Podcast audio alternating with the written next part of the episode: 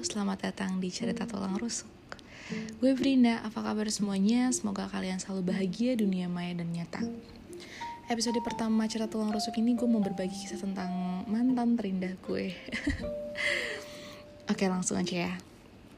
Jadi tanggal 27 Februari 2017 itu alhamdulillah gue punya kesempatan untuk traveling ke Hong Kong bareng sama kakak gue. Nah, uh, ini tuh merupakan perjalanan pertama kami bareng-bareng karena ya kami pengen aja menguatkan koneksi antara uh, kakak beradik ini kan sebelum nanti kami sibuk sama hidup masing-masing at least udah pernah nyobain jalan-jalan bareng gitu. Terus ya jauh-jauh hari sebelum keberangkatan kami tuh udah bagi-bagi tugas kakak gue yang nyiapin mau ke mana aja itinerary gitu. Sementara gue tuh yang prepare transportasi apa aja yang dibutuhin selama di Hong Kong Nah berhubung saat itu gue tuh baru kenal aplikasi Couchsurfing, gue update lah perjalanan gue buat cari local friend, buat cari tahu uh, lebih banyak tentang Hong Kong. Ada beberapa orang yang akhirnya menghubungi gue, ada yang sekedar ngasih saran, nemenin jalan-jalan, ada juga yang jualan tiket, kayak tiket Disneyland sama Ocean Park gitu. Ada juga yang nawarin tempat tinggal gitu. Nah dari beberapa orang ini, ada satu yang menghubungi gue, namanya Dan dan dia itu yang paling konsisten sampai uh, gue tiba di Hong Kong gitu. So far gue kenal Don selama dari apa sih kayak sebelum berangkat sampai nyampe di Hong Kong tuh kayak dia tuh orangnya pinter, terus obrolannya tuh menarik gitu. Dan dia tuh bisa menguasai apa yang diceritakan. Dan gue suka banget orang yang kayak gitu jadi kayak nggak asal ngomong doang gitu loh. Nah singkat singkat cerita perjalanan gue itu agak hambar di hari pertama dan hari kedua. Kenapa? Karena ternyata gue sama kak gue tuh adalah tipe traveler yang berbeda kayak dia tuh lebih suka visit tempat-tempat yang populer yang rame dan nyesuain itinerary banget. Uh, sementara gue tuh lebih suka kayak ya yang santai nikmatin tiap jalan gue keliling-keliling. Gimana sih kayak lebih suka yang apa sih local situationnya aja gitu loh. Terus ya kayak intinya menurut gue ya traveling itu kan untuk sejenak merasakan hidup tanpa pressure ya gitu. Terus kalau gue tetap harus saklek harus begini begini begini ya sama aja gue ngasih pressure buat diri gue gitu. Nah cuman ya tetap ada untungnya sih ya bareng sama gue ini gue jadi bisa visit banyak tempat gitu. Tapi ya gue nggak bisa nikmatin bener-bener gitu Nah, eh, bahkan nih di hari kedua kaki gue tuh sampai lecet banyak banget. Saking gue tuh capek ngikutin kakak gue gitu kayak secapek itu. Nah sampai di hostel gue tuh cerita lah sama Dan kalau gue tuh butuh plaster gitu kayak kalau mau beli ini beli ini di mana. Karena gue nggak nemuin Watson atau uh, yang toko-toko apotek gitulah di deket hostel gue terus nah dia tuh kayak minta fotoin kan. Akhirnya gue fotoin lah tuh kaki gue dan dia shock banget karena ya emang kaki gue tuh selecet selecet itu kayak separah itu lecetnya. Terus ya dia bilang sih malam itu dia mau bawain plaster ke hostel gue. Uh, tapi ya apa namanya ya gue nggak enak kan sama gue. Kita baru nyampe eh kamu kami baru nyampe. Terus masih capek kayak males lagi kalau harus keluar uh, hangout lagi gitu capek banget gitu. Ya udah akhirnya gue nolak. Terus gue bilang um, gue bakal cari pasarnya besok lah gitu. Terus ya udah gitu. Tapi sebenarnya sih dia nih udah ngajak gue ketemuan dari hari pertama. Cuman ya itu dengan alasan karena gue selalu balik malam dia juga balik kerja baru malam. Jadi kayak mager aja kalau harus kayak keluar lagi um, buat ketemuan lagi gitu loh. Kayak udah capek banget lah gitulah pokoknya nah terus ini tanggal 2 Maret 2016 itu jadi schedule um, gue sama kakak gue untuk pergi ke Madame Tussauds terus The Peak Tower dan beli oleh-oleh gitu. Dan jujur satu-satunya tempat yang gue nikmatin ya cuma di The Peak Tower ini di Sky Terrace 428 di situ tuh gue bisa ngeliatin pemandangan Hong Kong yang luas banget yang hari itu tuh kayak indah banget dingin sejuk parah deh itu kayak enak banget buat ngegalau. Terus ya udah habis dari sana kami pergi buat beli oleh-oleh dan lanjut ke Avenue of Star buat lihat light show di malam itu gitu. Terus gue tuh udah bilang sama kakak gue kalau si Avenue of Star ini cuman 700 meter dari posisi tempat beli oleh-oleh ini. Tapi kakak gue ini ngeyel terus dia pengen naik bus. Karena kakinya sakit gara-gara terkilir pas di Ocean Park gitu kan. Terus ya udah akhirnya dia tuh kayak ya udah ya udah cari aja busnya yang mana gitu. Kira dia pilih lah satu bus yang menurut dia itu tuh benar. Nah sampai satu jam itu kayak kita tuh belum nyampe nyampe masa 700 meter bisa sejauh ini sih? Apa rutenya salah apa gimana gitu kan? Terus ya udah akhirnya setelah satu setengah jam nyampe lah kami di Victoria Park. Nah yang bikin makin pusing adalah ketika kami keluar dari Victoria Park ini yang muncul adalah bukan dermaga tapi sebuah pusat kota yang super padet banget yang lampu tokonya itu bener-bener kelap-kelip luar biasa mantul jauh dari kata damai. Terus setelah gue cek di map oke okay, kami itu salah bukan di Victoria Park tapi harusnya kami tuh ada di Victoria Harbour dan Victoria Harbour itu jauh banget dari Victoria Park. Udara itu lagi di malam itu tuh kayak bener-bener dingin sekitar 12 derajat celcius. Terus ya gue sama kakak gue udah kayak mulai frustasi karena tempat ini tuh bener-bener padat kami juga udah kayak udah lelah dan gak bisa nemuin stasiun gitu. Kayak semua itu bener-bener toko lampu kelap kelip. Susah banget nyari stasiun di situ. Even um, kayak shuttle bus aja tuh nggak ada. Kayak kalau mau naik shuttle bus tuh gue harus balik lagi ke Victoria Park ini gitu. Terus ya akhirnya kami kayak masuk gitu ke dalam ruang kecil untuk jadi kayak ada pintu gitu buat masukin manekin ke store namanya Sasa. Jadi kayak semacam toko makeup gitulah jadi kayak untuk uh, apa namanya untuk masukin manekinnya ini dia kayak punya ruang kecil. Ya udah akhirnya kita kayak mojok di situ buat menghangatkan badan gitu kan. Terus ya udah akhirnya di situ kayak gue bilang lah uh, apa gue hubungin si Don aja kali ya kak? Gitu. Terus ya udah kak gue ya udah udah hubungin hubungin gitu ya udah. Terus udah gue hubungin tapi terjadilah perdebatan gitu kan. Karena kakak gue ini maunya kayak dan ini datangnya cepat sementara si dan ini masih ada meeting dan baru bisa sampai tuh kayak sekitar 20 menit kemudian. Ya udah kira kayak gue ngomong baik-baik gitu terus nah ternyata si dan ini ya udah deh uh, tungguin gue ya 10 menit gitu. Uh, lo pindah aja dulu. Ada apa namanya ada ada kayak ada namanya kalau lo bisa lihat IKEA lo tunggu di kayak department store di seberangnya IKEA gitu karena nanti di situ di lobbynya tuh ada penghangat. Dan bener dong kayak di situ tuh kayak anget banget gitu. Terus sampai gue kayak terus kayak yaudah uh, kami tungguin. Terus bener kayak hampir 10 menit dia keluar dari IKEA gitu. Terus kayak first impression gue adalah ya Allah tinggi banget gitu. Terus kayak pas dia udah kayak makin deket udah di depan udah depan muka gue nih gitu ya ampun tuh hidung boros oksigen. Karena dia tuh kayak ya emang mancung banget gitu kan. Karena dia karena dia eh, dia nggak Chinese gitu. Dia uh, bokap nyokapnya Turki gitu. Jadi ya udah ya mancung tinggi gitu kan.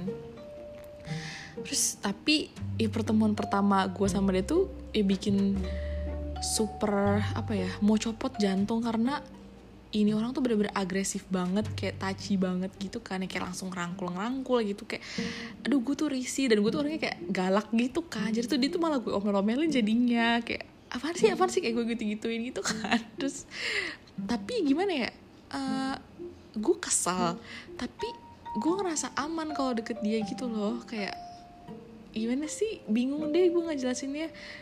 Terus ya udah kayak otak gue tuh was-was hati-hati banget kayak bener-bener gue tuh berpikir gimana kalau ternyata nih orang nih orang jahat gitu kan.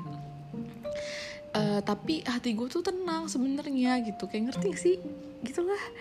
Ya udah kayak malam itu tuh akhirnya gue ngobrol sama nemenin dia makan malam dan cerita banyak ngalur ngidul.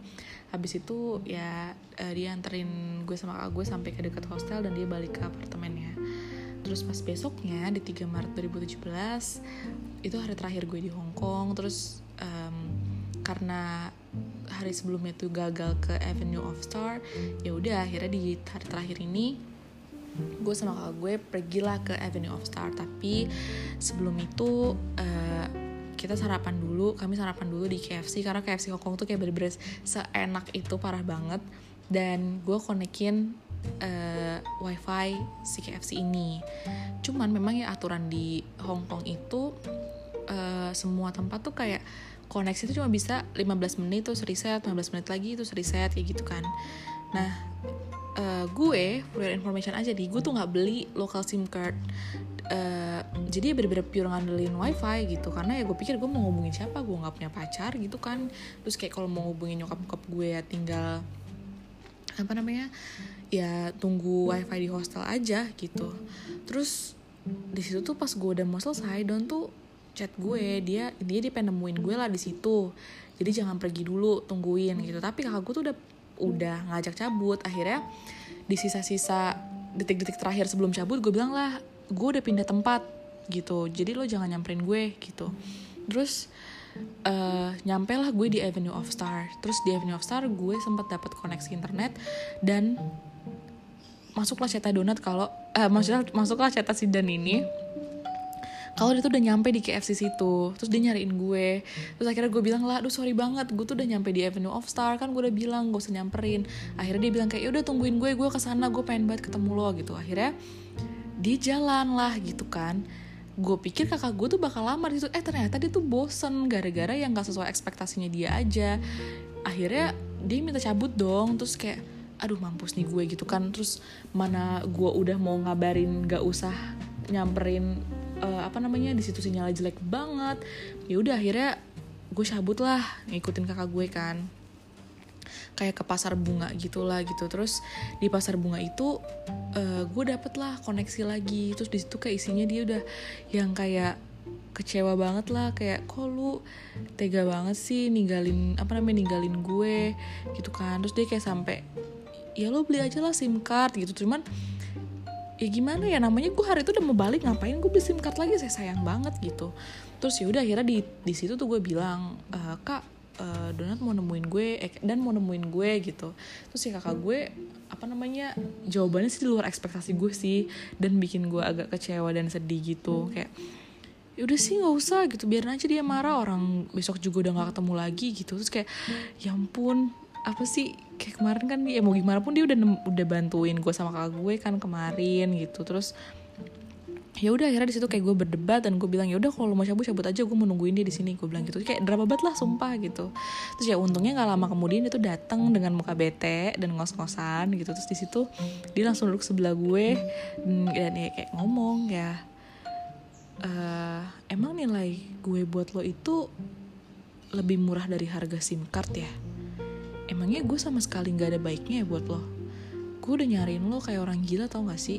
Kayak lo sama sekali nggak mau nungguin gue gitu. Terus ya di situ tuh gue antara apa ya dia kan ngomongnya juga pakai nada tinggi gitu kan. Terus gue apa sih ya gue ngerasa bersalah gue juga kesel dia ngomel-ngomel gitu. Terus ya gue jadinya nangis aja gitu kan. Terus ya udah kira kita tuh kayak diem ya gue sama dia sama-sama diem sampai berapa menit gitu. Terus pas kami udah sama-sama tenang terus ya udah dia langsung ya udah yuk uh, aku temenin jalan-jalannya dia langsung kayak gitu. Terus ya udah akhirnya uh, sisa hari itu tuh gue ditemenin sama dia gitu. Terus um, di situ tuh gue ya makin ngerasa nyaman aja gitu. Karena bener-bener itu beda banget yang di hari pertama gue ketemu dia super agresif bikin gue sih di hari kedua ini tuh dia kayak bener-bener nyesuain gue yang sweet terus kayak ngegandeng gitu lah pokoknya kayak bener-bener aduh sweet banget deh pokoknya. Terus sampailah menit-menit terakhir gue harus balik ke hostel karena gue perlu siap-siap buat balik ke Jakarta. Dan dia juga harus uh, balik ke kantor buat meeting. Ya dia minta gue atur schedule karena dia mau nyamperin gue ke Jakarta gitu. Dan ya terpilihlah bulan April 2017 uh, eh, dia mau berencana ke Jakarta gitu. Terus ya entah gimana ya dia akan beneran datang atau enggak ya hari itu gue yakin aja kalau dia tuh bakal beneran datang gitu. Terus kayak waktu kita pisah tuh gue tuh sedih banget ya meskipun gue gengsi gitu kan. Kayak gue nahan-nahan apa sih kayak sedih terus kayak sok-sok stay cool gitu. Terus ya udah akhirnya dia meluk gue terus uh, apa namanya ya udah kita pisah di situ. Dia langsung masuk ke stasiun gitu kan. Terus ya udah bulan April nggak jadi diundur jadi September diundur lagi jadi Desember sampai berganti tahun. Dan akhirnya dia kirim e-tiket ke gue Hong Kong Jakarta 15 Februari 2018 gila gue bener-bener seneng banget. Senangnya tuh bener-bener minta ampun. Gue sangat excited dengan kedatangannya dia gue prepare semuanya. Sampai harinya tuh tiba gue jemput dia ke bandara tangan kaki. Pokoknya badan gue tuh sebenarnya semua itu dingin gemeteran. Apa ya gue tuh senyum-senyum sendiri. Itulah jantung gue tuh kayak bener-bener berdebar banget pas lihat information boardnya itu nunjukin bahwa pesawat dia tuh udah landing gitu kan. Terus 30 menit kemudian gue lihat orang yang sama waktu gue liat di IKEA lagi celingak celinguk gitu nyariin gue. Di situ kayak astagfirullah ini tuh beneran gak sih? Gitu. Cuma itu doang yang ada di otak gue. Terus yaudah terus gue langsung samperin dia dari belakang. Terus gue tusuk-tusuk pinggangnya pakai telunjuk asli gue tuh gemeteran banget karena ya tiba-tiba tuh dia meluk gue gitu kan dan dia minta maaf berkali-kali karena baru bisa uh, nemuin gue hari itu gitu. Terus ya udah gitu. Ya udah kan dia di Jakarta tuh empat hari. Ya empat hari dia itu bener-bener indah banget lah. Gue bener-bener kenal dia lebih dalam. Banyak hal-hal yang gue nggak tahu yang gue duga dia tuh orangnya kaku segala macem. Tapi ternyata tuh dia yang kayak bener-bener up to date. Even dia tuh suka banget drama Korea ternyata. Terus dia tuh wangi wangi parah deh. Jadi kayak tuh kalau deket itu nyaman banget. Bener-bener yang nyaman banget karena sewangi itu gitu.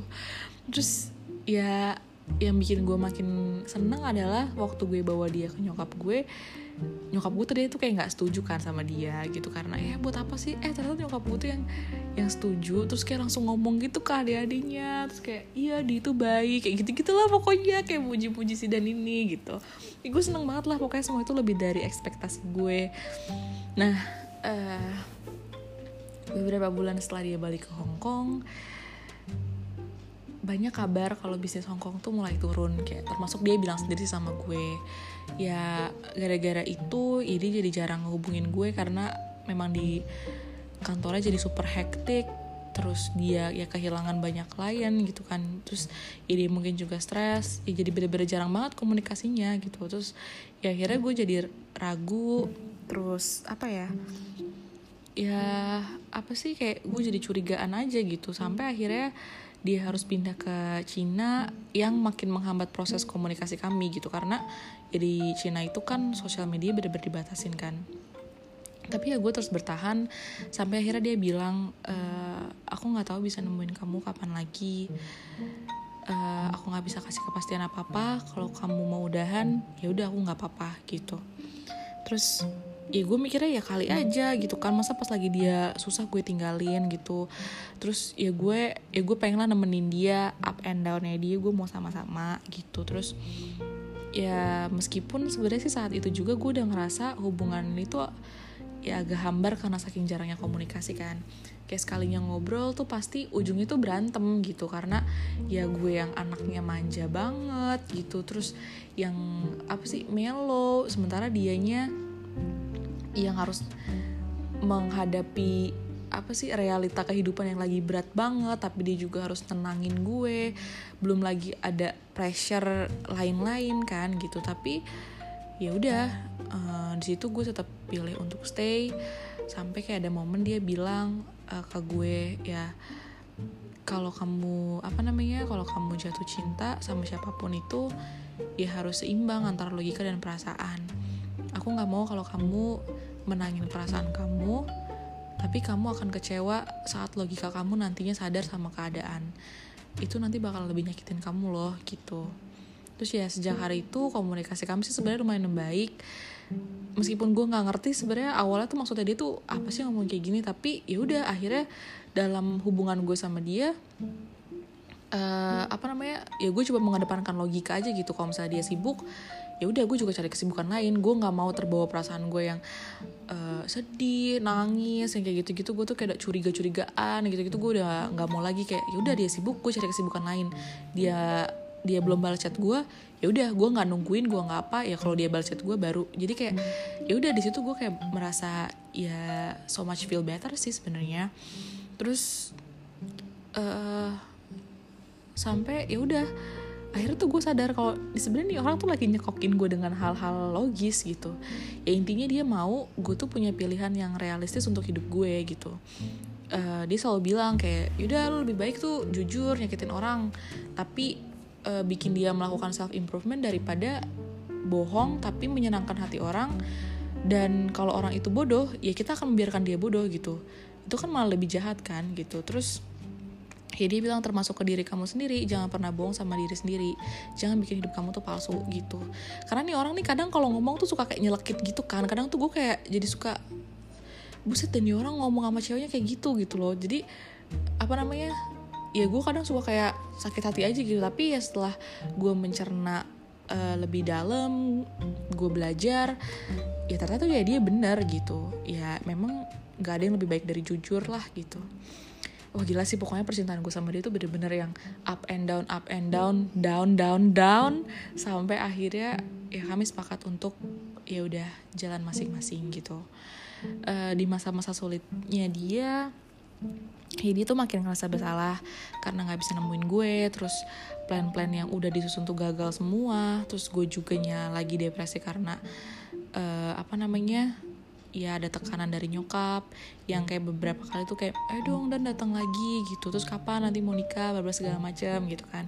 Sekarang tuh nyokap gue juga suka ngayal-ngayal tentang pernikahan gue sama uh, sama Donat sama Dan gitu. Terus kayak ya pusing deh pokoknya ya pokoknya di di posisi ini uh, kami tuh sama-sama berpikir kayak buat apa kita sama-sama kalau hanya menjadi beban uh, satu sama lain gitu. Terus ya udah akhirnya hubungan kami berakhir di bulan April 2019 gitu. Uh, mungkin teman-teman Instagram gue banyak yang tahu tentang kisah gue sama Donat sama Dan. Banyak juga yang nanya kayak sedih gak sih Feb? gitu kayak ya of course sedih banget pasti sedih banget gitu. Uh, gue dua tahun sama-sama sama dia gitu kan. Ya itu up and downnya bareng-bareng gitu. Tapi tetap ada satu rasa gila akhirnya gue bisa napas gitu. Gue bisa kenalan sama orang baru gitu. Yang ya mungkin selama ini tuh gue lewatkan di masa gue bertahan sama dan. Meskipun gue udah nggak bahagia dan banyak keraguan uh, gue tetap bertahan gitu. Ya apa sih tetap di sisi lain gue sebahagia itu sih sebenarnya gitu. Ya ya karena itu gue tuh bisa bilang ya dan ini mantan terindah gue. Bukan karena hanya kenangannya tapi juga semua pelajaran yang dia kasih ke gue. Selama gue sama dia tuh dia benar-benar mendidik gue dari perempuan bucin cengeng hopeless romantic gitulah. Jadi perempuan yang lebih pengertian dengan keadaan orang lain terus lebih logis realistis detail. Gue tuh sekarang kalau kerja tuh bener-bener detail banget kritis terus kayak bisa kerja sama dalam hubungan banyak banget lah hal-hal positif yang gue contoh dari dia dan bermanfaat buat self improvement gue gitu. Um, ya untuk segala suka dan dukanya gue benar-benar sangat bersyukur sih pernah punya kisah sama dan gitu. Um, gue berharap sama partner hidup gue nantinya gue bisa punya hubungan yang lebih baik lagi uh, kepribadian yang lebih baik lagi. Terus ya relationship yang lebih baik terutama dari komunikasi dan kerjasama gitu. Karena ya emang itu penting. Semoga hmm, gue nggak mau membandingkan partner hidup gue sama si Dan ini karena setiap orang tuh punya kepribadian yang beda-beda kan. Tapi ya ya gitulah. Ya yang bisa gue bilang dia dia salah satu orang yang berjasa sih dalam uh, kepribadian gue yang sekarang. Gitu aja sih ceritanya kenapa dia bisa jadi mantan terindah gue. Kalau punya mantan terindah nggak? Coba dong kalian juga nanti cerita. Ya semoga kalian yang mendengar bisa ambil pelajaran dari cerita ini entah ini berfaedah atau unfaedah. Ya udah thank you so much for listening to this podcast and bye